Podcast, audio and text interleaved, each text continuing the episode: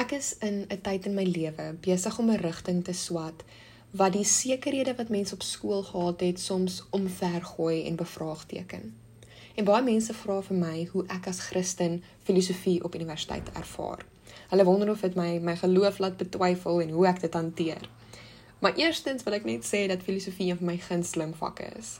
Dit is definitief nie anti-Christen soos wat baie mense dink nie.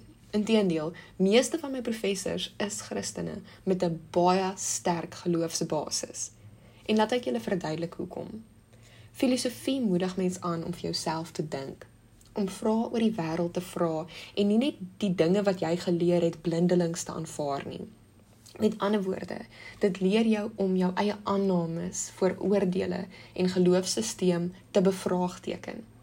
En anders as wat mense dink, is dit juist hierdie fase van twyfel en vra vra wat die basis lê vir 'n onwrikbare geloof. So wat ek eintlik hiermee wil sê is, jy mag vra vra.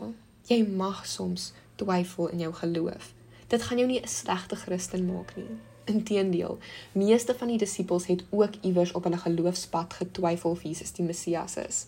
God gaan nie aangevat voel as jy moeilike vrae vra nie, want dit is tog 'n bewys dat jou geloof vir jou so belangrik is dat jy nie bereid is om net die stories wat die kerk en jou ouers vir jou vertel het sonder nadenke te aanvaar nie.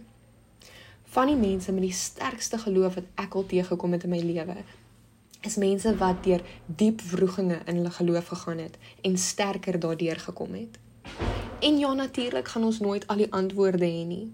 Maar wanneer jy net heeltemal die vraag gaan vir my en nie gaan dink oor jou geloof nie, dan kan dit mos nie verdiep nie.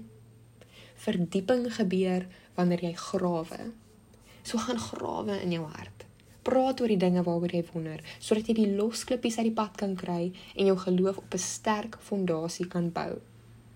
Nou met dit gesê, dink ek ook mens moenie wegdraai van die Here wanneer jou vrae of onsekerhede begin swaar raak nie vat dit eerder na hom toe.